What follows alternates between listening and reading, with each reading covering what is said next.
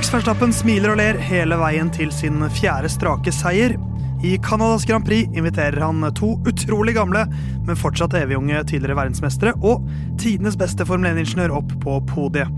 Alt som ledet til et slikt podium, skal oppsummeres før lyden av Curbs forsøker å løse gåten. Enigmaet Sergio Perez. Hva er det som har skjedd med Checo?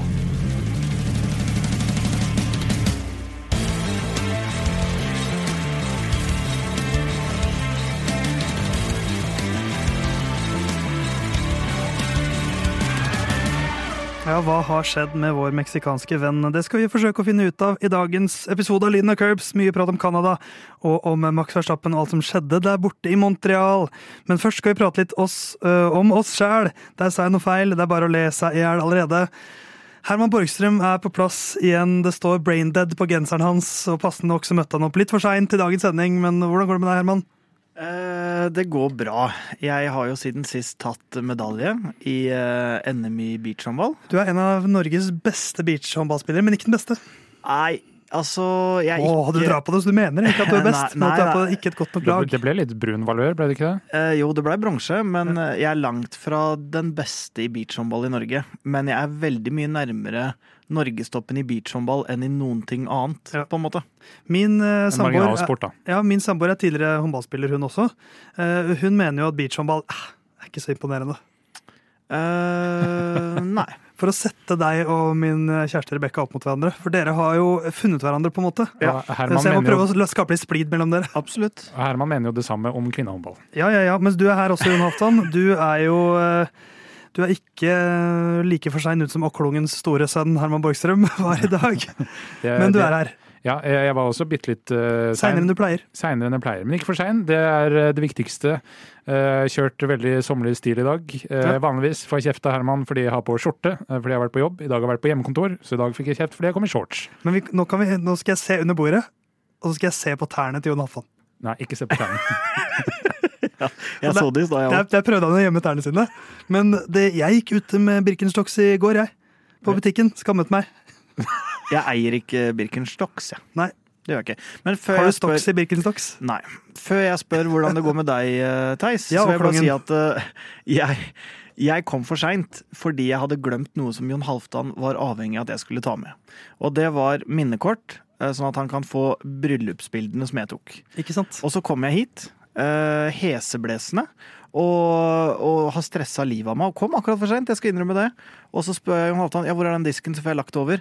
Nei, den hadde han glemt. Ja, og det, det er faktisk Oslo kommune sin feil. Det er, så, det er så sloppy håndverk, og så blir jeg på en måte idioten. Jeg ser den, men allikevel, det er det- Jeg prøvde. Du er kanskje ikke Norges beste på beach- beachhåndball, men du er Norges beste på å være skurk, men klare å sette deg selv i offerposisjon likevel. Ja.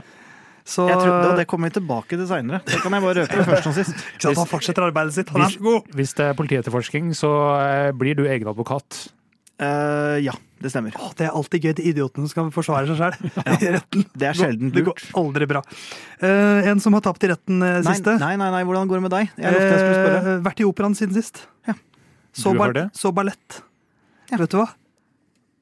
Det var ikke dumt, altså. det var ikke dumt på ekte. Nei, jeg har aldri, jeg har aldri vært på noe ballett. Kommer aldri til å være på noe ballett, Ja. men det kan jeg si at det er dumt. Jeg så Tornerose, eh, og det er Det var tider der hvor jeg nesten ble rørt, som er selvfølgelig helt fremmed for Herman å bli, men du Ja. Jon, kan du kjenne deg litt igjen i rørthet, i hvert fall? Ja, nå jobber jo jeg for en av Norges fremste kulturinstitusjoner. Ja, dette er jo litt sånn ditt nivå kultur. Eh, ja, det er bare det er musikken som er i sentrum, mens her er det jo det som eh, skjer øverst Ja. på podiet. Eh, Men musikken har også en veldig stor rolle her, Ja da, men de sitter gjemt bort nede i orkestergrava. og det Eh, er fiffig. eh, nei, eh, altså hvis Der det du, hører hjemme, si. hvis ikke du får jobbe i Oslofilharmonien, så får du kanskje jobbe i Operaen. Og Oi, oi, skudd avfyrt. Eh, så ille var det ikke det Nelson Piquet hadde gjort. Eh, For det er han jeg skal snakke om nå. Jeg vet ikke om han hadde forsvart seg sjøl i rettssak, men han ble jo da dømt til å betale rundt 900 000 amerikanske dollar, da, bare i brasilianske kroner, til eh, Louis Hamilton for eh, ærekrenkelse eller rasisme og homofobi, var det vel. Det er ikke en ubetydelig sum, eh, Theis. Nei, det er ganske mye. Men for Eh, Hamilton er det nok Men det var Piquet som måtte betale den. Ja, men ja. hvis Hamilton fikk det Jeg, jeg tipper det var sånn må betales til veldedig formål. Ja. Eh, Da, da er det sånn eh, Hva har Toto vippsa meg nå? Ja. Ja. Men åh, tenk så mange ganger du må vippse da, hvis du skal vippse 900 000 dollar. Så må du opp den beløpsgrensa på 5000. Som er døgnbasert, så Ja. du må vente. Ta en evighet. Eh, Men det er digg å få fem, fem laken på konto hver dag, som du pleier å si, Herman. Mm, alltid. Men nå skal jeg tilbake til Nelson Piquet, for grunnen til at jeg nevner han, er tallet 60. Som er dagens episodetall. Det nærmer seg. Det nærmer seg. Nelson Piquet Vi venter ni til, så er vi der. Men Nelson Piquet han har 60 podieplasseringer. eh, Og også, tapte, eller også blitt dømt som rasist og homofob. Eh, Kjent som verdensmester, men også kjent som da eh, Formel 1-fører fra Brasil. Eh, Han hadde 60 podieplasseringer. Flest av dem var i Montreal, på Syke Gilles Villeneuve. Fem stykker hadde han der. Han hadde også fem, fem stykker i Frankrike, men det var på litt forskjellige baner. Men, eh, så jeg klarte å koble inn Montreal her òg. Godt Ja, fornøyd men- med det. Men sier dere Montreal? Montreal Canadiens, ville Ja. du sagt. Ja, for jeg ville jo sagt Montreal. Nei, jeg ville jo dratt inn en Å. Montreal. Montreal. Hva sier franskmennene da, i Nei, Canada? jeg vet ikke, men jeg bare hører begge I hvert fall du sa Montreal. Ja, Hva Jeg sier tror jeg du? sier Montreal, jeg òg. jeg ja. fornorsker det. Okay. Men ja. Men eh, sier ikke Canada heller. Oh, Canada. Nei. Da vet du hva, Hvis han sier et eneste ord på en litt norsk måte i dag, Ja, det, drep han. Ja, men jeg vil lansere en ukas sjuking. Eh, og det, jeg har ingen anelse om hvor jeg er i verden om ni uker. Men ukas sjuking er at når jubileumsepisoden, eh, episode 69, Ja. går av stabelen, så er ikke jeg her. Ja, men Det er jo på en måte litt passende. Den Ja, spiller sikkert bare- inn hjemmefra også, så vi får se hvordan den blir. Men ja. jeg skal i hvert fall kose meg. Eh, jeg håper du der hjemme skal kose deg med dagens episode. Canadas Grand Prix, eller Canada, eh, som Mm. Herman sier. Sitt Grand Prix skal vi prate om. Vi skal eh, for første gang diskutere oss fram til ett ekstrapoeng i ukens sjukingkonkurransen vår. Ja. Det kan bli interessant.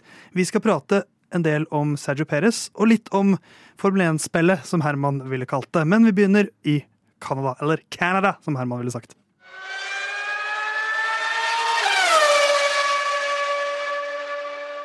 Hei dere i Lyden av Curbs lurer du kanskje på nå. Kan ikke dere snakke litt om Canadas Grand Prix? Ja, det er Canada, er mitt svar på det. Nei. Du hadde en bedre vits uh, off-air her. Skal, skal, jeg, skal, jeg ta, skal vi rekonstruere den? ja vi, vi rekonstruerer den. Hvor er det du jobber hen, eh, Jon Halvdan? Eh, Vika. Vika. Ok, vi tar en gang til. Vi tar en gang til. Ja, hvor er det du jobber hen, Jon Halvdan? Vika. Vika og Wanda Mashadi. Det er ikke gøy nok. Jo, det holder i massevis. Vika og Wanda Mashadi. Det er ikke gøy nok. Nei, vi, vi begynner litt på nytt igjen. Vi skal til Canadas Grand Prix, som ble holdt denne helgen. Jeg skal uh, gå litt gjennom hva som har skjedd. Ja. Uh, kvalifisering kan vi begynne med. Det skjedde ganske mye i kvalik. Eh, men så endte det jo sånn som det ofte gjør, med Max Verstappen på, stopp, på topp. Eller på stopp. ja. På topp. Eh, Men bak der så var det mye dynamikk. Eh, Han kjørte da på 1.25,8. Eh, Bare eh, nevner den tiden fordi det var så langt ned til de neste. Herman sitter med en sånn klassisk Nå klarer jeg nesten ikke å holde på latteren min lenger, for han tenker på Vika og Wanda Mashadi. Nico Hulkenberg kvalifiserte P2-en, Ja. men så fikk han ikke starte der. For eh, han hadde da red flag infringement. Ja, kjørte for fort, eh, for det ble rødflagg i Q1. Eh, nei, det var i Q3 for hans del. Q1. Men det var i flere, eh, flere av kvalifiseringsrundene. Uh, nei, han, eh, han Men han må jo uansett, selv om han fikk den altså treplassstraffen sin, så må han jo ha tjent godt på det. Fordi hvis han, eh, når han da ja, ikke lød et rødflagg, men allikevel så kom han jo på andreplass, og så ble han skyvd ned. Så det, jeg tror nok han eh, tok den eh, straffa ved, ved godt mot. Det var nok verdt det, ja. Uh, Alonso, Hamilton, Russell, Ocon, Norris, Sainz, Piastri og Albon fulgte bak. Albon da satt ikke noen tid i Q3, men så kom jo denne eh, Han hadde P2 i Q2 Nei, P1 var det det han hadde? Ja, han var raskest i Q2. Eh, Så Albon kjørte knallbra. Men det var jo da denne gridstraffbonanzaen gridstraff-bonanzaen som begynte, med Hulkenberg som fikk eh, tre plasser. Eh, impeding fikk Carlos Sainz da for å ha sperret Pierre Gasly i Q1. Lance Stroll fikk tre plasser for impeding mot Esteban Ocon i Q2. Og Yuki Sunoda fikk tre plasser for impeding mot Nico Hulkenberg i Q1. Rart at det er flere impeding infringements her enn i Monaco. Det skulle man faktisk eh, Ja, godt poeng. Eh, kanskje Monaco litt mer oversiktlig, jeg vet ikke. Men, eh, men uansett, da blir det jo til at vi har Verstappen, Alonso og Hamilton som starter eh, P1, 2 og 3. og George Russell fra fjerdeplass. Men da blir det jo eh, Verstappen som har ganske god kontroll. Han tar starten, eh, og i løpet av ikke så lang tid så er han eh, komfortabelt foran. Så kommer det en sikkerhetsbil, men så bruker han tre svinger på å komme seg ut av DRS etter det. Og har full kontroll med en død, død fugl i bremsesjakta. Ja. I ca. 80% av løpet eller noe sånt. Mm. Så kontrollerer han det bare inn. Eh, men Jon, Verstappen vinner foran Alonso, Hamilton, eh, så følger Leclerc, Sainz, Perez, Albon, Ocon, Stroll og Bottas. Hvem, eh, eller hvor ble dette avgjort? Eh, sving igjen Ja. Som det ofte gjør. I hvert fall når Vi er der nå, i hans dominans. Ja, det- blir litt som sånn når du får safety car i Det, det er jo blitt litt sånn de siste løpa da, som blir litt ødelagt av safety car som kommer på de Når vi er på vei inn i Her er det fint å pitte hvis du har eh, en av de to strategiene som er anbefalt. Eh, og det skjedde jo nå. Eh, og da Han var en fastest lap unna en grand slam eh, også denne helga. Så eh, det var sving én, så lenge han leder der. Alonso å, eller Alonso og eller Hamilton ikke kommer forbi. Hadde de to kommet forbi, kanskje det hadde sett litt annerledes ut. Men eh, når han leder ut av sving én, så blir det sånn. Og så er det jo et inntrykk her av en fyr som kjører på altså, ikke, ikke bare er det den fuglen, men eh, når han, det ene øyeblikket når han har en sånn oh shit-greie, hvor de fleste hadde kanskje mista det litt, så sier han bare at I almost knocked myself out in that curb, og så ler han bare. Det var liksom det mest dramatiske som skjedde. Eh, Ja. Bare det at han kan le av det, betyr jo litt, sier jo litt om hvor eh, suveren han er. Så det, hvor, hvor mye tror du han hadde igjen her, Herman, hvis han måtte? Um, jeg syns det er litt vanskelig å si. Uh, jeg tror jo ehm, på en måte at tidsdifferansen ikke nødvendigvis ljuger sånn all verden. Um, at det var mye tettere på nå enn i Barcelona, eksempel.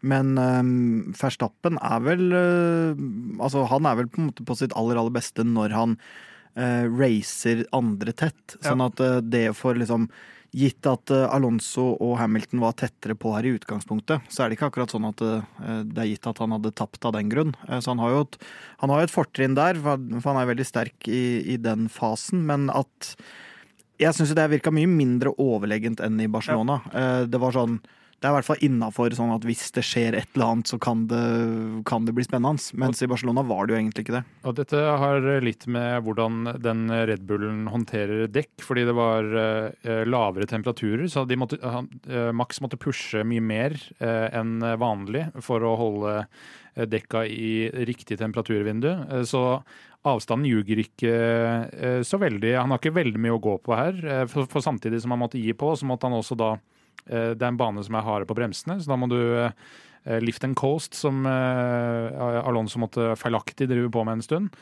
Eh, Så dette er en bane som gjør at resultatet flatterer sannsynligvis eh, litt eh, hvor nærme de andre er. Eh, Men hvis det skulle bli kuldebølge over Europa når europasesongen starter, eh, så kan det bli litt tettere. Så fortsatt maks raskest. Men så, så er det også en faktor her, da. Eh, Intervjuer med Alonso vel også etterkant her. Han som sier at det var 70 runder med kvaliktempo. For han og Hamilton hadde jo en duell der Mm. som egentlig varte gjennom hele løpet. Det var liksom aldri out of reach, noen av dem. Mm. Så han har jo to karer bak der som kan kjøre bil, som jeg tror kjørte ganske maks hele veien. Mens Max kjørte kanskje 90% da.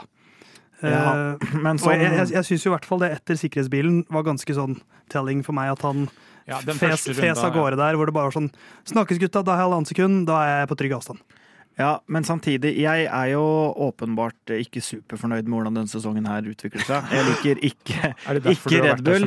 ikke Verstappen, og jeg liker jo at det er litt tett, men samtidig så er det sånn eh, for meg som en slags dommedagsprofet over Formel 1-sesongen, så syns jeg det her var liksom Det her var innafor. Det her er jeg enig i at det er på en måte Formel 1. Ja. Eh, at noen har klart å på en måte få en bedre bil, en bedre setup, og vinner med ti sekunder. Ok, kunne det vært litt mer, kunne det vært litt mindre, det er greit, men når vi begynner å snakke et halvt minutt og sånn, da blir det litt, da blir Ja. hele idretten litt uh, surrete. For her, her var det jo faktisk det som har blitt nevnt her, at det var en, et, et dårlig pitstop, da. Eller Mm. et veldig dårlig pitstop, eller, eller en litt større feil unna å faktisk bli ganske spennende. Ja, altså Det var jo ikke sånn eh, du er, eh, at det er veldig sannsynlig at det kommer til å skje noe, men det er likevel litt nerve hele tiden. Absolutt. Og det er en fører som er i kanskje sitt livsform. eh, Og når du sammenligner hva andre føreren fikk til, og det kommer jo tilbake enda dypere litt etter hvert, så er det jo en selv om avstanden ikke blir så stor, eh, outstanding performance av de tre eh, i front. Og så skal vi huske en ting. For ti år siden, eh, i Canada's Grand Prix, så sto en annen ung Red Bull-fører på toppen, Sebastian Fettel, eh, som var, var da på vei til sitt fjerde VM-mesterskap. eh, Eller verdensmesterskap-mesterskap, som da jeg egentlig sa der. eh, V-mesterskap, kan man si. Eh, Det var jo den sesongen hvor han vant var det ni, ni løp på rad til slutt. Eh, Var jo på sitt mest dominante. Men det var hans siste sesong. Eh, Så man vet aldri. eh, Siste sesong som verdensmester. Man vet aldri når en dominant periode avsluttes. Men da, på podiet hans eh, bak ham, så sto Alonso og Hamilton. Så ti år, og så står de gutta fortsatt der. Det syns jeg er fint. Seier nummer 41 for Max Verstappen. Da tangerer han Arton Senna, som er stort. Samtidig så tar han Red Bull-seier nummer 100. Det er jo en tre løp siden han hoppet forbi eh, nevnte Fettel på lista over den med flest seire i Han Eh, står Red for Bull. 41% av seierne, da. Det gjør han, og så kan vi også nevne da den, den, eh, den på podiet der som egentlig har vært flest ganger verdensmester, som er jo Adrian Newey. Elleve konstruktørmesterskap har han, pluss to Uh, altså førermesterskap som det da ikke ble konstruktørmesterskap. Så han har laget elleve mestervinnende biler. Mm. Så det var Mens, mens Hamilton bare har åtte. så, så det var jo da for øvrig også seier nummer 200 eh, for Adrian Newey. Ja. Eh, Han er bare 41 bak Ferrari. Ja. Så, så det, var, det var stjernespekket podium. Men det, jeg syns jo det var gøy å se eh, Det virka som det var så god stemning mellom de tre på toppen her. Eh, Jeg elsker jo dette cool, down-rommet, som vi fikk se en del av denne gangen, hvor Louis Hamilton snakker om hvor vakre bakdeler både Max og Alonso har. Eh, Helgens sitat for min del. Eh, Men det irriterer meg sånn at de kutter bort fra det. Ja. Der vil jeg kritisere TV-produksjonen. Det er sikkert noe sånn der, Nå føler vi at vi pusher det for lenge her. Ja, for Men jeg syns vi bare burde få se alt der. De lå jo ganske lenge på den gangen her, eh, som på en eller annen måte gjør at det blir, gir mindre mening å kutte bort fra det. Eh, men eh, jeg, det, jeg syns det er veldig morsomt å se, og, og den stemninga jeg så det var en eh, jeg, jeg vet ikke om det var fra før eller etter løpet, men hvor, hvor Hamilton tar en selfie under de intervjuene, jeg antar kanskje det var etter, eh, med Verstappen og Alonso. Um, og det er jo tre stykker som på papiret og gjennom på en måte mediehistoriene hater hverandre, uh, på sett og vis. Men uh, Og det hatet har nok vært uh, litt reelt tidvis mellom de to eldste der, men ja, men ikke Runder i kantene nå. ikke minst Ja, det- det- det Hamilton faktisk, og Verstappen. Det er faktisk mindre mellom Verstappen og Hamilton. Ja, men- Alonso, Alonso og Hamilton de hata hverandre det året de var i McLaren. Ja, ja, men det er jo for eksempel sånn at Hamilton har jo tidvis nekta å, å gi intervjuer om Max. Bare sånn Syns du Max er en talentfull fører, liksom? Nei, det har han ikke svart på. Men, men samtidig da, så er det eh, inkludert Adrian Newey, fire personer som har veldig respekt for det eh, de har gjort på hver sin side. Eh, altså Du har to ganger to ganger verdensmestere og en åtte ganger verdensmester og hva var det du sa? Elleve? Newey? Ja. eh, elleve som konstruktør, pluss to eh, hvor han har laget bilen til en eh, førermester. da. Ja. Så eh, avhengig av hvordan du ser på det, 11 eller 13. Ja. Men vi sier 11, tror jeg han sier selv. Jeg er veldig fornøyd med at jeg fikk eh, Jon Halvdan til å si Louis Hamilton åtte ganger verdensmester. ja, sju ganger verdensmester. For det, det skal jeg klippe klippe et, et stort øyeblikk. ja, det skal jeg klippe ut og bare ha på Ja, repeat. men det er jo ingen tvil om at det var fire folk på podiet der som på en måte ikke har noe å bevise. Uh, og de kan jo gi en slags ro og en Ja. selvtillit. Men eh, eh, 100 ganger uh, seier, Eller 100 seire til eh, eh, eh, Hva er det heter? Red Bull. Red Bull. Eh, hvor mange seire har Mercedes? Og det sjekka jeg tidligere i dag. Ja, altså, jeg har det her, Ja. så jeg skal bare Er vi over eller under? Og i så fall Mercedes jeg tror jeg er over. eh, mer eller mindre enn 50 mer. Jeg tror mer enn 50 mer. Jeg tror mindre enn 50 mer, men jeg så en statistikk som jeg bare håper stemmer, at Hamilton har like mange seire som Red Bull. Eh, det, det er ikke spørsmålet her nå, men det kan vi finne ut Nei, etterpå. ja, men jeg, og da har han jo tatt brorparten av de i Men han tok jo uh, eh, Centurion Victory i eh, Russland, var vel det? Det er Så jeg tror han er over 100. Ja, ja, det, det har han. Eh, 125 har Mercedes. Ja, så Det er ikke så veldig langt foran. Nei, det er ikke det. Jeg glemmer de der fire, fire VM-titlene til Fettel. Det er Eh, klart det ble noen seire der. Det gjorde det. Men eh, ja, det, nå har jeg liksom fokusert på de tre som gjorde det bra. Eh, Gøy å ha tre forskjellige biler på, på toppen av podiet. Eh, Men vi kan jo titte litt lenger ned på resultatlista.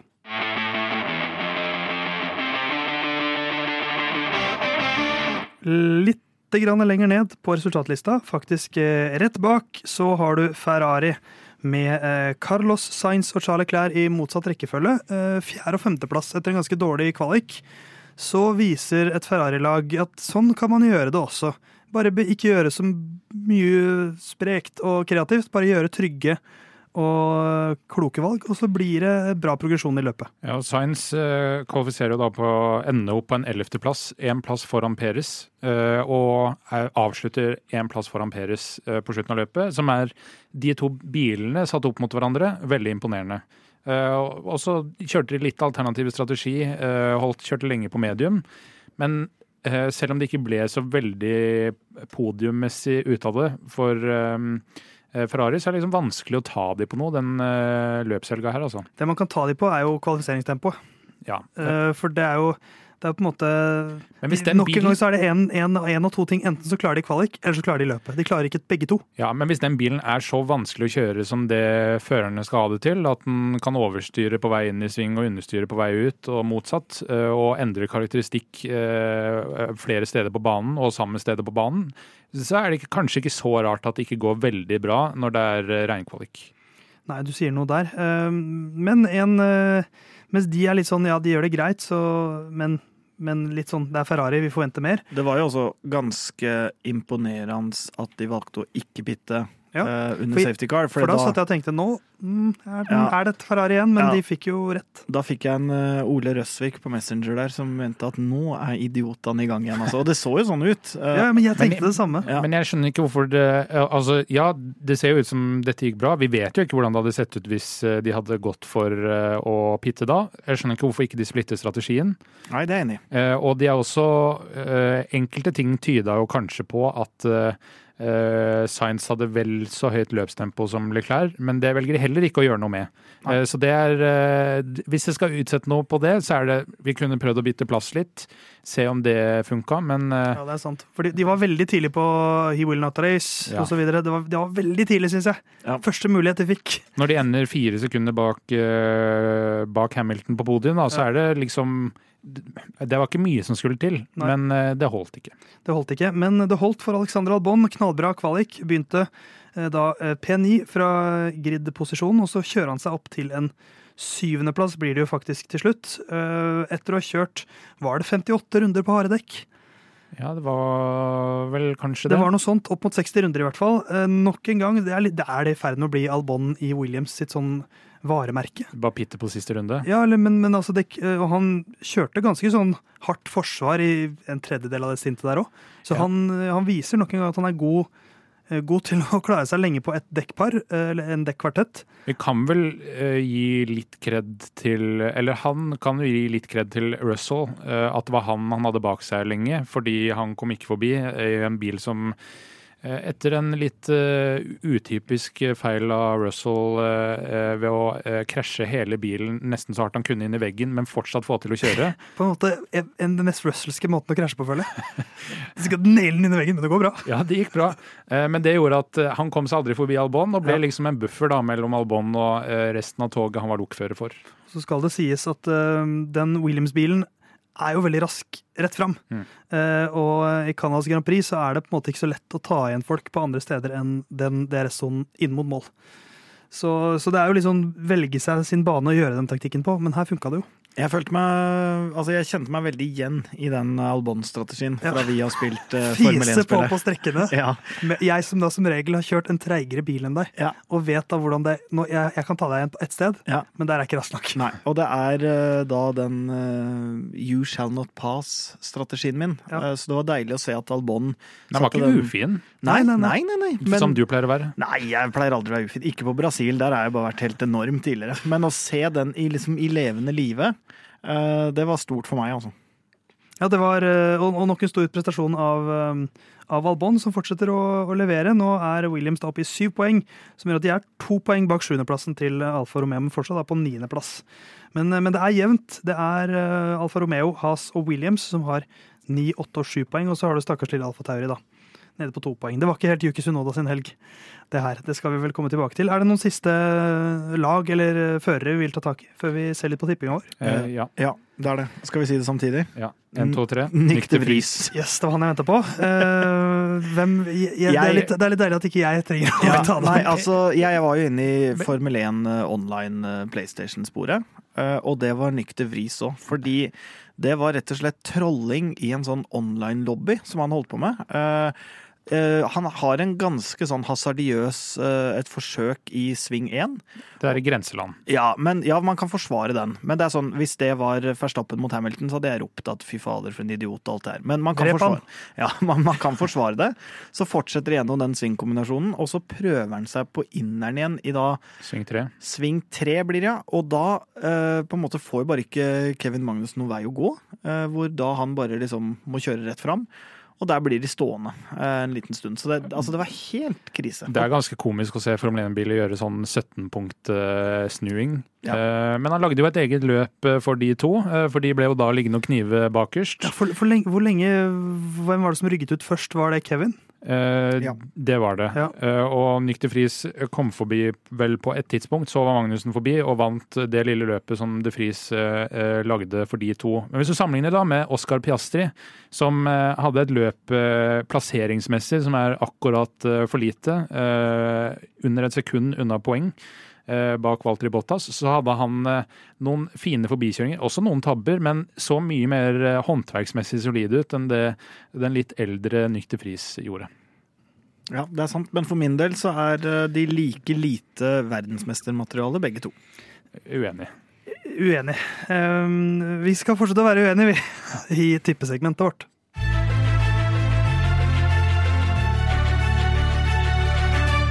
Videre til den fryktede tippekonkurransen. Fryktede med tanke på å bevare vårt vennskap. Det er eh, en liten ny endring vi har tilført i vår tippekonkurranse for å gjøre den hakket mer eh, dynamisk og eh, prøve å gjøre Ukens sjuking litt mer relevant. Men vi kan begynne med det gode gamle, som er vi tipper topp tre. Og så har vi da Ukens sjuking, som kommer tilbake til det. Vi kan ta eh, tippinga vår med resultattippinga, da. Jon, hvordan gikk det? Det kan vi gjøre. Og, og eh, som kjent, da, det er tre poeng for riktig person på riktig plass. Eh, Ett poeng for person på pall, men vi tippa han på feil plassering. Eh, og eh, 20 poeng for Ukens sjuking, og da ett bonuspoeng for den som vi diskuterer fram til var nærmest. Yes. Og da var det to fulltreffere denne runda. Det var da meg og Herman. Heter, Alonso Hamilton. Jeg måtte bare se på lista her. Eh, Etterfulgt, etterfulgt av eh, Verstappen Mikrofonhumor der. eh, Andreas, som hadde Verstappen, Science Hamilton, eh, som gir seks poeng. Uh, og da Theis, som hadde Verstappen, Peres Alonso, uh, som på noen måter, men samtidig ikke har vært det vanligste resultatet denne sesongen, som gir fire poeng. Ja, ikke så gærent. Fornøyd med det. Nei, og sammenlagt da så har gjestene rundt 26 poeng. Litt usikker der. Eh, Herman har 29 poeng, inn, eh, gjort et lite innhogg på deg, Theis, eh, som nå har bare to poeng foran, 31. Ja. Og jeg leder med åtte poeng foran det igjen, med 39. Så jeg kan snart begynne å sutre, med andre ord. Du kan snart begynne å sutre. Ja.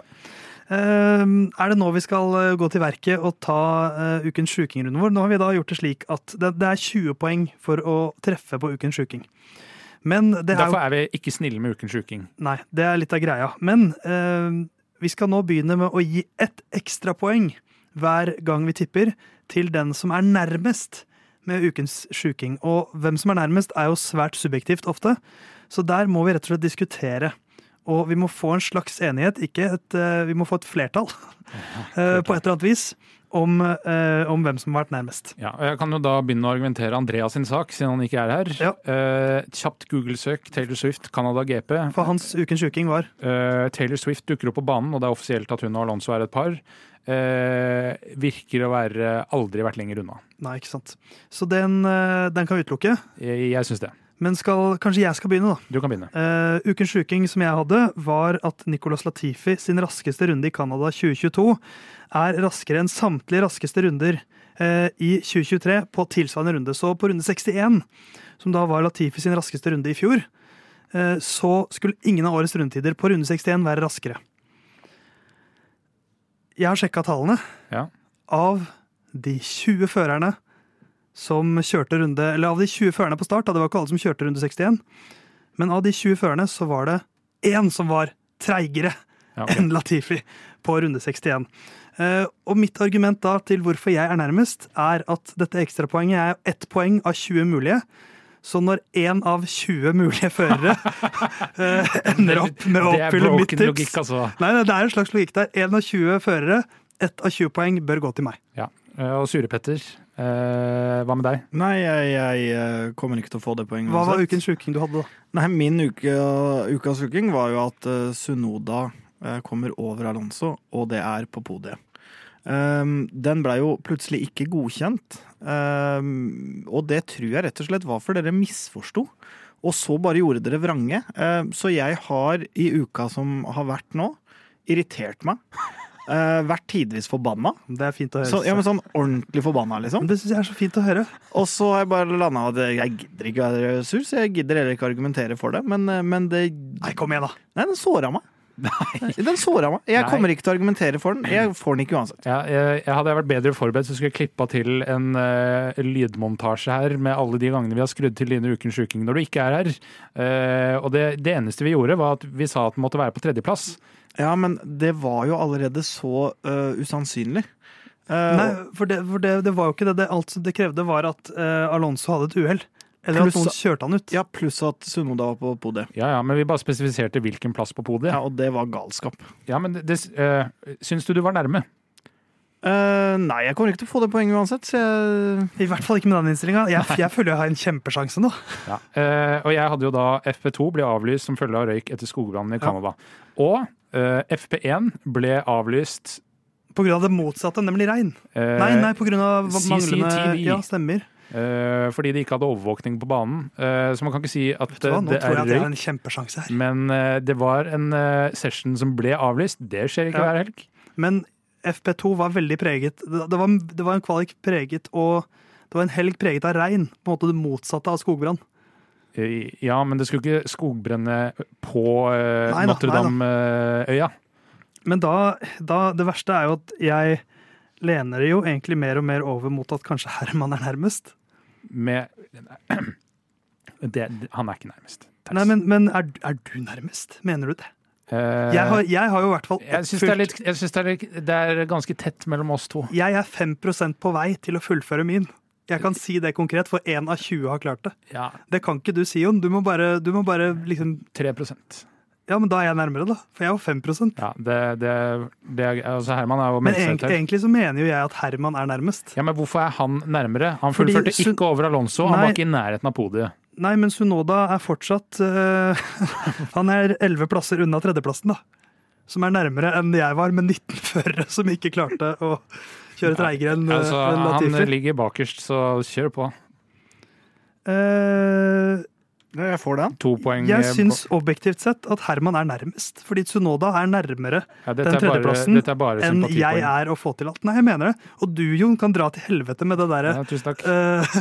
Det der en, en økt ble avgjort, eller ja, det er jo for så vidt et poeng, men når, et poeng. når årsaken er så annerledes Ja, men eh, hvis vi tar bort årsak, så var det noe som ble avlyst. Det skjer ikke en gang i sesongen engang. Det blir litt som at Hamilton hadde offentliggjort at han er sammen med Shakira, som er et annet rykte. Og så skulle Andreas fått den. Nei, det er ikke det samme.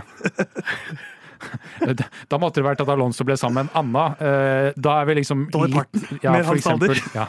Da er vi litt mer, eh, mer der. Herman, hvis du skulle valgt en av oss to til å få det ekstrapoenget, hvem hadde du valgt? Eh, da hadde jeg valgt meg sjøl. Ja, ikke sant? Så da har vi, da har vi men Herman, Herman får ekstrapoenget, for jeg, jeg er på hans side. Ja, For ja, jeg mener at han er nærmest. Jeg har skrevet det inn. Det er en, eh, selvfølgelig en skandale. Ja, ja, men det skal det være. det Dette kommer til å bli den mest skandaløse delen av Lyden av Curbs uke etter uke. Det er Da har jeg endelig en strategi som funka, da. Bare være helt stille. Eller bare, bare, bare ha flaks, fordi at jeg mener det at du var nærmest. Fordi at Sunoda var nærmere enn jeg var, og jeg mener jeg var nærmere enn Jon var.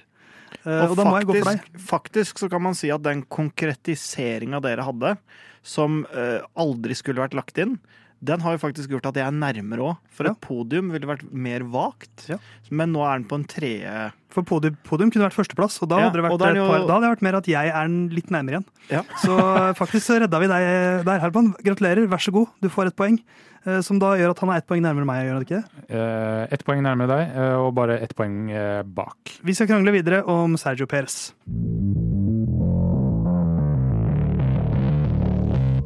Det er en mann vi har danset litt rundt så langt i dagens sending, fordi vi tenkte at vi skulle sette av litt mer plass til han. Og på en måte med negative fortegn.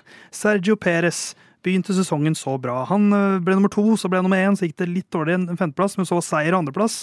Han var liksom med i tittelkappløpet med Verstappen, men så bang, fire seire på rad. Hvor det da Bang. har gått ganske Bang, dass bang.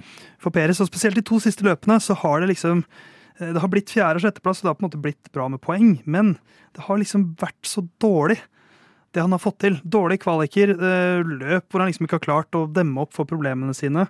Um, og når han står der etter en, eh, en sjetteplass i Canada, der Verstappen har vunnet sitt fjerde strake løp, og sier 'vi hadde ikke tempo i dag, og vi vet ikke hvorfor', så er det fristende å si at det problemet eh, sitter bak rattet på den bilen. Ja, åtte runder inn. Uh, Max 1-2, 1-2, 1-1-1-1. Uh, Perez 2-1, 5-1, 2, 16, 4, 6. Ja, så det har gått rett åt skogen, og nå er han vel ni poeng foran Alonso i kampen om andreplassen i mesterskapet. Eh, Og Alonso har flere podieplasser nå enn Sergio Perez har. Eh, Hamilton har én mindre. Så de er liksom De er eh, i dårligere biler i ferd med å ta han igjen. Tenk at han mest sannsynlig hadde én mulighet til å komme topp to i et VM. Og nå er det ikke sikkert han klarer det engang. Og, nei, og så ble han frarøva muligheten i fjor. På grunn av Ja, smålighet. Fra, altså det var egen udugelighet da også. Ja da, men- likt, ja da, ja, likt ja. som nå. Sesongen, Ja, slutt- men altså, jeg vet at du liker å knytte ting opp til enkeltsituasjoner. Det var her det ble avgjort. Men igjen, det er kun her sånn er det ingen andre enn hans egen feil at uh, hvis han nå skulle ryke, miste andreplassen i en bil Nei. som er mer suveren enn det Red Bullen har vært kanskje noensinne. Det er sant, han, han burde få det til i år. Men allikevel, hvis han ikke får det til i år pga. seg sjøl, så blir Ja, det på en måte snytten i fjor. Jeg synes det er gøy at du melder såpass hardt her, Herman. For litt av grunnen til at jeg ville prate om dette i dag, og er jo at han har hatt en dårlig helg, men men at du også er her. Mm. For du er en av de jeg kjenner som på en måte er både sterkest og svakest rent mentalt samtidig. Yes, det stemmer. Ekstremt sterk mentalt. Ekstremt. En av de skjøreste når det kommer til mental styrke som jeg vet om. ja, men det er faktisk eh, litt artig historie fra, fra NM som var nå i helga. Ja, Eh, for da, en av mine beste kamerater, Jokke, eh, er med som lagleder. Og så blei det da tatt en avgjørende straffe, eller det blei tatt flere avgjørende straffer i løpet av helga. Jeg scora på to av de, og bomma på én av de. Ja. Som da er direkte matchavgjørende. Og da sa han kompisen min at jeg er tidvis god på sånne ting. Og det er på en måte akkurat samme som Ja, ja. din analyse. Av og til er jeg den rette mannen for den der straffa i, eh, i siste minutt. Andre ganger er jeg overhodet ikke det. Og det er litt der jeg føler Checo Perez er. For King of the Streets har blitt kallenavnet hans. Altså forsvarsminister. Eh, gatebaner er jo det førerne ofte prater om som liksom det mentalt mest krevende, fordi at du har så lite feilmargin, og du må være på vakt hele tiden. Og det å kjøre defensivt også i mot raskere biler er også en, en vrien kunst, og vi har sett han mestre begge deler helt fantastisk. Han har jo, altså han kjørte ifra Max Verstappen i Aserbajdsjan, og så er han bare helt borte. Eh, Det var som at det øyeblikket det gikk opp for han, eller sånn min avstandsanalyse, det øyeblikket det gikk opp for han at shit, jeg kan jo faktisk få til noe her i årets VM. Jeg er ikke, sånn, jeg er ikke bare second driver, kanskje kan dette gå, og så stopp. Ja. Men, Men det- du, du Herman, er jo den som kjenner ham best, med Ja. din mentale styrke og svakhet. Hvis jeg skal sette meg inn i hans sko, og det som har blitt en slags sannhet for min del Jeg har jo tid Altså, i ungdommen så satsa jeg fotball og håndball hver- om seg. Og min mor mener at hver gang jeg la fokuset på fotball, så ble jeg god i håndball. Og da, ble, og da la jeg jo fokuset på håndball, og da ble jeg god i fotball. Ja. Sånn at det, det, er, en teori hjemme om at når jeg liksom begynner å, satse litt og tro på, en måte på det og, og øke alvorligheten, så blir jeg dårligere. Så hvis man skal ta det med seg over til Peres, da, så kan det jo hende det at det, Sånn som nå, for eksempel. Da. Nå går alt på tverke. Ja, ok, Kan godt hende han henter opp en seier og ser god ut. Og så begynner han kanskje å få litt trua på det, og da går det i dass igjen. Men Så- eh, jeg tror heller eh, den er Full Swing, eh, Netflix-dokumentaren om eh, golf, eh, ikke helt ulik eh, oppbygning eh, som Formel 1 eh, Drive to Survive-serien, så er det vel Brooks Kepka som, eller Kepka, som sier det om Scotty Scheffler, som vel er verdens beste golfer. Eh, veldig god i 2012. eh, Nei, er veldig god de siste åra. Uh, at For han eh, Det er en episode om han nå som bare er det ene Han er Alt er i Guds hender, og hvis han vil at Ja, det skal gå bra, så går det bra. Og det han eh, eller Kopka, sier, er at Scotty Sheffield han tenker ingenting. Nei. Eh, Det er derfor han gjør det bra, for han overtenker ingenting. Eh, Det Peres, eh, da han begynte i Monaco og skulle kjøre forbi og dreit seg ut, kan man jo si. Han kjørte jo frontvingen av inn i Magnussen og begynte å skylde på noe breakcheck osv. Og endte på en 16.-plass. Og fra da av har det jo ikke gått bra. Så jeg tror det er mer en overtenking. Bruker for mye energi på hva, hva, er, hva er det som er forskjellen til eh, Verstappen. Gått litt inn i den der Gasly-territoriet, der det er mye data-watching. Det blir sånn se på statsa til Max. Sånn, her, sånn kjører Max her. Ja. Og så prøve å gjøre det samme, men så funker det bare ikke. Eh, han var seks poeng bak etter eh, at han vant i Aserbajdsjan. Nå er han 69 poeng bak. Ja. Um, Men jeg syns jo kanskje den Altså, fra den tida jeg har fulgt sporten, så var det jo når Hamilton på en måte var Da var Mercedes det Red Bull er nå, på en måte. Og så hadde du da uh, Hamilton var det Verstappen er nå, men jeg syns jo ikke Peres klarer helt å være det Bottas var. nei, For Bottas var jo alltid I starten av sesongen var han jo det. han Ja, var det. Men ja, ja. Bottas klarte det hele sesongen. Ja, han var alltid på andre, og så klarte han å ta Hamilton et par ganger. Og da var det Alltid i Q3. Ja. Alltid. Og da var det en fair fight, på en måte. Uh, han klarte uh, Han var ikke i nærheten av god nok til å ta Hamilton over en sesong, men på enkeltdager så tok han han helt reint. Nå har det også vært sånn at Perez, de gangene han har tatt Verstappen, har jo vært med litt omstendigheter som har vært eh, Ja, med, unntak, Fordelaktige. med unntak av Ja, Aserbajdsjan. det er egentlig eneste. Ja. Og det var derfor det var liksom sånn herregud, nå, nå er han jo der. Men, men samtidig da, så er jo rein hans kryptonitt. da. Han er ikke en god sjåfør når det regner. Eh, Det samme var i Australia. Vel å merke kanskje eller kanskje ikke noe biltrøbbel. Eh, Christian Horner sa jo da at de ikke fant noe, mens eh, Peres eh, sa at de fant noe. Og igjen her, i kvalifisering, så kom han seg ikke ut av Q2. Eh, Hva, hvordan er været? Eh, litt dryppende. Ja. Og da eh, funker ikke Peres like bra, av en eller annen grunn. Men det, jeg, også jeg hadde skrevet ned i notatene mine, Herman. Walter Bottas kommer best ut av dette. Ja. Eh, for han, det, folk var ganske slemme med Bottas da han liksom ikke klarte å ta opp kampen mot Hamilton på den måten de ville. Men han var jo atskillig bedre enn det Peres er, syns jeg. Og nå er jo Selvsagt går jo Helmut Marko K og sier ut at, og har sagt en stund at det er ikke noe, det er Peres, han er ikke noe truet, han. Men de, de sa jo akkurat det samme om Albon og Gasly. Mm. Akkurat det samme, så det er jo bare tekstbook eh, alltid. Den, den liksom spilleboka de følger. Ja, men, samtidig Helt til de ikke er trygge, så er de trygge offentlig. Og du har en eh, Yuki Sunoda eller en eh, Daniel Ricardo som man kan flytte opp i det setet. uh, som gjør jo at det er sannsynligvis ikke en ting han tenker på underveis i løpet, men det er jo en ting som man vet at her står erstatterne klarere. Ja, ja. Folk vil jo eh, eh, Conor Moore, som er en sånn eh, imitat, imitator som driver på YouTube, er blitt ganske svær. Han mener jo at Daniel Ricardo er den som matforgifta Max fordi han skal ha et Red Bull-sete. For han er villig til å drepe for å få en plass. Men altså, hvis du tenker fra et eh, promoperspektiv men det blir for internt. Vi har masse Ja, vi humor går promo. videre. Vi går videre. Eh, Så tenk da hvis Red Bull hiver ut Perez og inn med Ricardo midtveis i sesongen. Altså, de har jo Og så er Ricardo skikkelig dårlig. Ja, men de har Ja, det er en fordi Hvis han ikke er det, det er da du, vi Nei, kommer men dit du også selv om, han, selv om han er dårlig, så har de eh, en million grunner til å gjøre det. Og hvis Ja, men ikke det, vis han er dårlig, det er å drepe karrieren til Ricardo. Ja, men da er han ferdig uansett. Ikke sant? Hvis, hvis, det vil bli masse presse, eh, masse gratis eh, synlighet, som vi kaller det i min eh, bransje. Og så hvis ikke det funka, da, ok. Da, var det, da er ut igjen. Da er Sunoda neste år. De, de har ikke så mye å tape på det hvis det fortsetter å se sånn her Altså, ut. inn mot de liksom si, si, den siste bolken med løp, da. Si, eh, si de siste fire løpene eller noe sånt. Hvis de er sånn Peres uh, har liksom gjort seg litt bort, men de har sikret konstruktørmesterskapet. Eh, det er jo en slags sånn dataspillting å gjøre, så jeg tror kanskje ikke helt det skjer. Men, men, uh, men han, han har grunn, i større grad nå enn noen gang tidligere, syns jeg, til å føle seg litt truet, Sergio Perez, i Red Bull. Eh, Ja, det er jeg enig i. Um, og nå kommer Østerrike, Storbritannia, Ungarn, Belgia. Vi er jo tilbake i uh, europasesongen, og så er det sommerpause, og så er det Nederland uh, og Italia. Så det er, jeg vet ikke helt om det er hans altså Singapore er neste gatebane, og det er ganske lenge til. Ja, men han, han kan, Han kan jo kjøre andre baner òg, det er ikke det. ja, men han kan ikke fortsette uten Kvaliken må bli mye bedre. Ja, han må men- opp på andre-tredjeplasser i hvert løp. Kan ikke være utafor podiet. Er han det alle de løpa, da tror jeg ikke han er der etter sommeren. Vet du hva?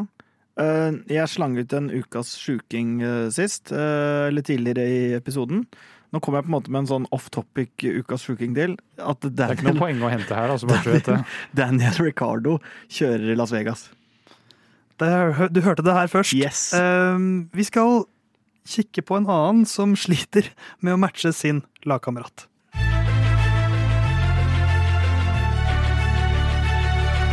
Mens uh, Checo Mm. Perez har grunn til å All verden er det som skjer her nå.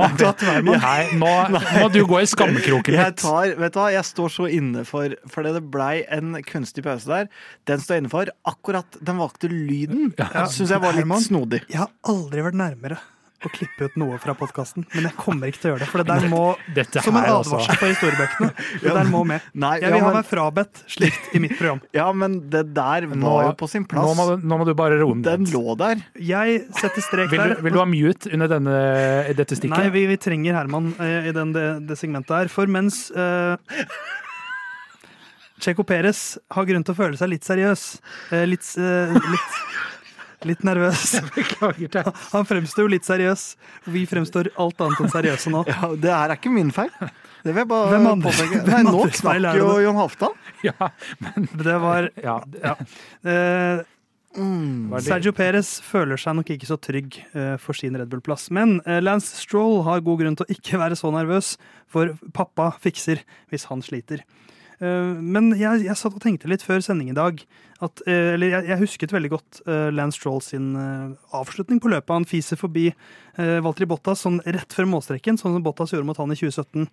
Eh, da var det kamp om andreplassen. Det var da Stroll tok sin første hovedplassering. Eh, mens her ble det jo ikke like feite poengsummer, men, men fortsatt et, et helt OK løp.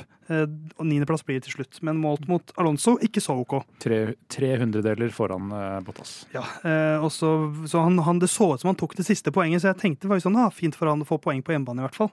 Men så ble det jo en eh, Norris som kødda under sikkerhetsbilen, eh, som gjorde at han fikk en eh, femsekunders tidsstraff, og da ble det jo poeng på begge to, si. Men da satt jeg videre og tenkte hva Du tenker mye. Ja, for, for jeg er en tenker, Herman. Eh, Det er kanskje fremmed for deg.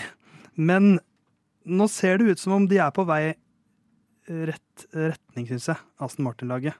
Eh, Alonso virker veldig fornøyd med utviklingen til, eh, til laget. Nå er han oppe i er det seks podieplasseringer så langt i løpet av sesongen. Det er kun to løp han ikke har vært på podiet i. Ja, og det kom jo med en oppgradering som eh, på en måte utligna litt det avansementet til Mercedes og vel så det. Ja, nå har han jo sagt eh, at eh, nå skal vi være på podiet resten av, eh, av sesongen. Og Lance Stroll sin far, Lawrence Strulovic, han sa at i Canada så skal vi ha to biler på podiet. Eh, Da må du bytte andreføreren din, eh, Lawrence. Hans eldste sønn leverte, hans yngste sønn leverte ei. Eh, Men da hva, hva, hva kan det bli av Lance Troll, sitter jeg og tenker. Hvor, hvor bærer det hen? Skal han alltid bare være pappagutten som ikke klarer å matche lagkompisen? Altså, Det, altså, eh, og da snakker jeg først. eh, Men eh, Lawrence Stroll han er jo representant for flere investorer. Det er ikke bare han som eier laget, men han leder den gruppa som kjøpte det som nå heter Aston Martin. Og andre aksjonærer kommer jo etter hvert til å stille spørsmål også ved prioriteringa når Lance Stroll når det, når det åpenbart er litt sånn som Max Verstappen sleit med etter at Ricardo forsvant ut av Red Bull, at andreføreren ikke leverer. Eh, og der eh, øksa de andreføreren. Eh, og Lance Shaw føler seg sikkert ikke veldig usikker, men på et eller annet tidspunkt så må man liksom strekke hendene i været og si 'jeg blir ikke bedre, pappa'. Eh, hvis eh, vi skal eh, få avkastning på den investeringa her, så må du bytte meg ut. Vet du I, eh, for bare to-tre uker siden så solgte visstnok eh, godeste Lauren Stroll en del av aksjene sine i Aston Martin. Så han er fortsatt eh, den største aksjonæren. Men eh, fra, han har solgt seg ned fra 28 til 21% visstnok. Så han mister jo noe makt ved å gjøre det, da. Han tjente visstnok 120 millioner pund. Ikke sant? Så Ja. det, det kan ha vært en businessavgjørelse også for å få styrket likviditet på noe vis. Ja, og, og det, det er jo liksom Han har jo heva nivået til laget, men på et tidspunkt så er føreren er ikke ubetydelig. Selv om bilen betyr veldig mye, så betyr førerne også mye.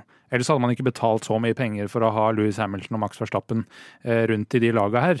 For da kunne man bare putta inn eh, noen andre. Eh, så man må etter hvert se på er dette sporten for Lance Stroll. Og spørsmål, for, for, altså, for å skryte litt av han, har jo han har åpenbart et høyt nok nivå, nå til å liksom kjøre bra på Formel 1-nivå. Han hadde kanskje ikke fått muligheten, hadde ikke fått muligheten uten sin far, men han har tre podieplasseringer, blant annet. Eh, det er ikke så verst, men han har kjørt er det sju sesonger nå, 130 starter ca. Og han er 24 år gammel, så det er ikke sånn at han er liksom sånn han, Lawrence kan ikke si til investorene sånn bare gi, gi han to år til, så skal han legge opp, for da begynner han å bli gammel. Han har fortsatt liksom åtte-ni sesonger igjen, i hvert fall.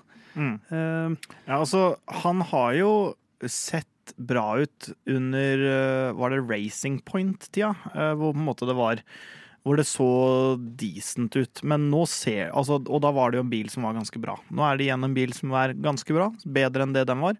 Og bedre eh, fører andre Altså, han har et, en bedre fører i førerparet. Ja, absolutt, men, allikevel, men nå ser det jo dårlig ut. Eh, Jeg tror nok ingen hadde reagert hvis han kjørt Altså, det er ingen som liker pay drivers, eh, for så vidt, men jeg tror ingen hadde reagert hvis han var i førerpar med Nyk de Vries nedi en drittbil, eller at han tar plassen til Kevin Magnussen i Has, eller noe sånt noe. Jeg tror ikke Jeg tror Danmark hadde blitt litt sure da. Ja da, eller Men, men jeg men da han var i Williams, for eksempel, da, da, Ja. da var han jo mer liksom der han Ja. hørte hjemme. Ja, det, så han har jo på en måte ikke Kanskje den største utfordringa er jo at han ikke har klart helt å henge med på den utviklinga som faren har drevet det laget til.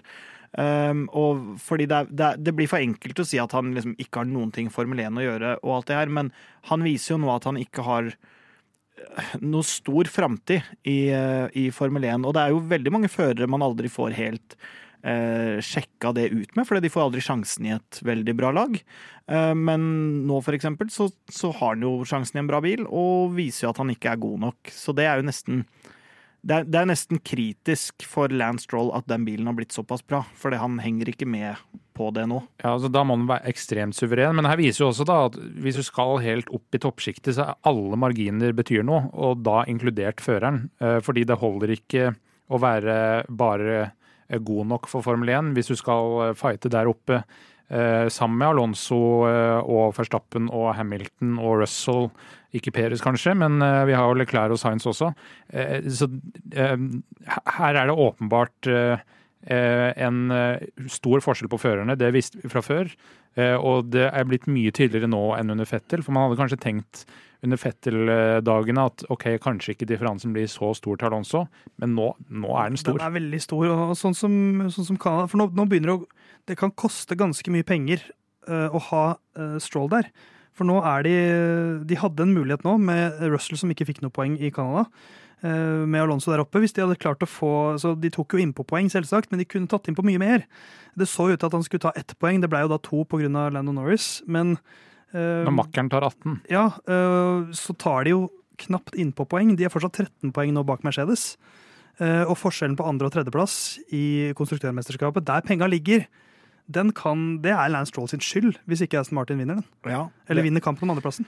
Ja, Sånn det ser ut nå, så er det i hvert fall det. Eh, og så skal man jo legge inn et lite forbehold. Eh, Jeg må jo det som nærmest han, hans bror, eh, så close som vi er. At eh, han begynte jo sesongen med en skade. Eh, det kan hende det, det, påvirker noe, for det var jo tross alt Det så jo ikke ut som det påvirka så mye i første løpet. Nei, helt enig, eh, men det kan hende det gjør det. Men i så fall så gjør jo det teamet rundt han en ganske dårlig jobb med å si det når det går dårlig. Det er jo gjerne Ja, en sånn man det- hadde kasta ut. Skulle til å si at Vi hører jo ingenting om det, og det er det som er så rart med hele Stroll-situasjonen. At ingen snakker om at han har en dårlig sesong.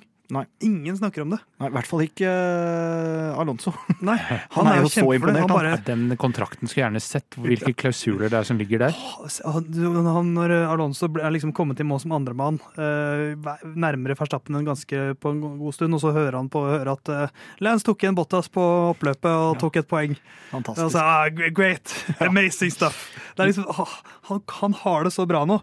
Eh, Men, men det er jo også et, et poeng oppi det hele her, er sånn at hvis hvis vi, legger, altså hvis vi ikke ser så nøye på akkurat hvordan den eierskapsmodellen ser ut Fordi eh, jeg fant også en annen sak fra tidligere i år hvor eh, nettopp eh, Lauren Stroll måtte kjøpe mer aksjer. For ikke, fordi det var noen som ville kjøpe opp som allerede hadde aksjer, og da ville true hans eh, posisjon som på en måte majoritetseier da, eh, av Aston Martin. Så det, det er en del ting som ligger i kulissen her, men hvis man legger til grunn at det er Lauren Stroll som styrer sjappa, og som sitter på inntekt og utgifter og på en måte har ansvaret for det, for det totale her, så er det jo litt sånn Bryr han seg så mye om akkurat hvor mye penger som kommer inn? Bryr han seg så veldig mye om Ja, de altså Han gjør jo det, han er jo en businessmann. ja, han Men er en businessmann, men han har, det virker som han har et, eh, et softspot her, eh, som eh, da er sønnen, og at det er det viktigste. Så det er litt sånn Ja, de må ha en bedre fører for å få mer poeng, de må det, de må det, men, Eller bare lage et enda bedre bil. men,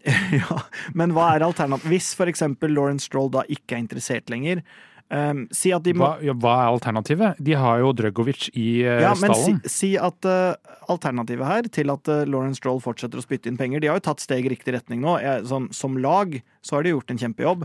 Si at alternativet er at Lawrence Stroll trekker seg ut. Det blir mindre penger inn i laget. Og um... Ja, men er- altså, Formel 1-lag er så lønnsomme nå at Ja da, men, men hvis man uansett hvis, hvis det er på en måte kontrasten, da. Så vil det jo heller fortsette sånn som i dag. Så er jo sikkert svaret et sted midt imellom. Men hvis det var så sort-hvitt at ok, han fortsetter å gjøre laget bedre, spytter masse penger inn, men sønnen er med, så vil de heller det enn det motsatte. Ja, men det, så svart-hvitt er det ikke. Andretti står klar til å inn. Nei. Det er eh, p- eh, Porsche vil eh, inn. Altså det er eh, flere lag som eh, vil ha en plass på griden her, og overta det Aston Martin-laget for f.eks. Porsche. Det har vært helt eh, konge for de. Men så lenge Lawrence har lyst, så sitter. Lance og kjører. Så får vi se. Vi skal sikkert prate om Lance Troll igjen i løpet av året.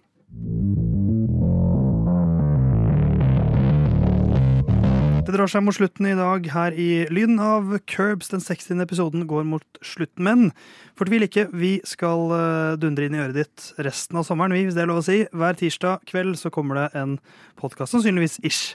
Eh, og du kan også høre oss på Radio Nova eh, stort sett de fleste tirsdager. Kanskje ikke hele sommeren, men i høsten så er vi tilbake der også. Men et nytt spill er på trappene, eh, apropos ting som pleier å komme som Julekvelden på kjerringa, nemlig eh, spill som gir ut en gang i året. Formel 1 er jo blant eh, de sportsspillene som gjør det. Og vi, Herman, har spilt litt. Mhm. Du har ikke gjort det ennå, her, eh, Jon Halvdan. Hva holdt på å komme? Herr herr Jon Halvdan kalte jeg deg, for nå er du gift. Ja. Eh, Nei, jeg har ikke spilt ennå. så da, Herman, skal vi få lov til å prate litt mens Mm. han holder kjeft et par minutter nå. Hva er førsteinntrykket ditt? Vi har spilt, jeg har spilt kanskje fire timer.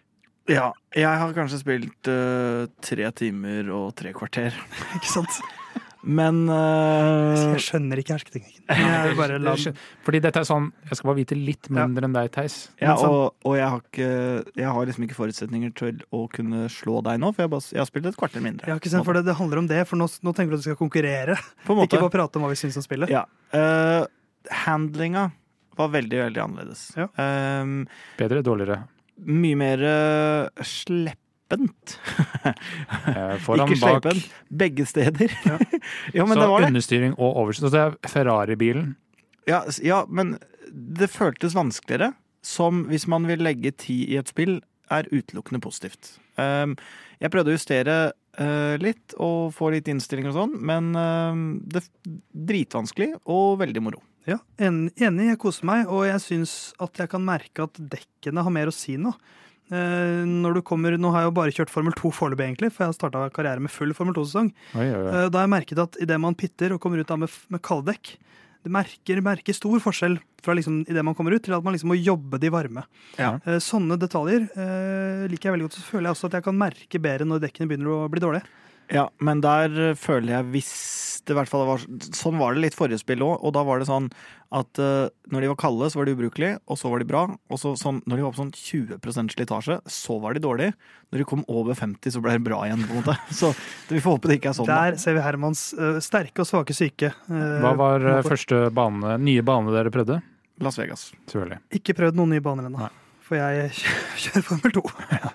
Men eh, vi skal komme tilbake til det spillet i løpet av sommeren når vi kanskje får spilt det litt mer, og alle tre i studio får testa det. Men vi er tilbake neste tirsdag. Eh, Da skal vi se fram mot neste løp, som er i Østerrike. Mm. Eh, Det er jo et kult løp. Red Bull Ring. Fem strake seier på rad. Det er vel da tangerer Max Verstappen sin bestenotering, tror jeg. Hvis han klarer fem på rad. Det er også det beste Louis Hamilton har, så han begynner å nærme seg en rekke bedre enn Hamilton hvis han klarer to til. Herman, er du tilbake neste uke? Uh, får se. oh, jeg tror det. Ja. Mm. Du, Jon? Jeg er tilbake neste uke. Jeg er tilbake neste uke. Det håper jeg du også er. Vi høres.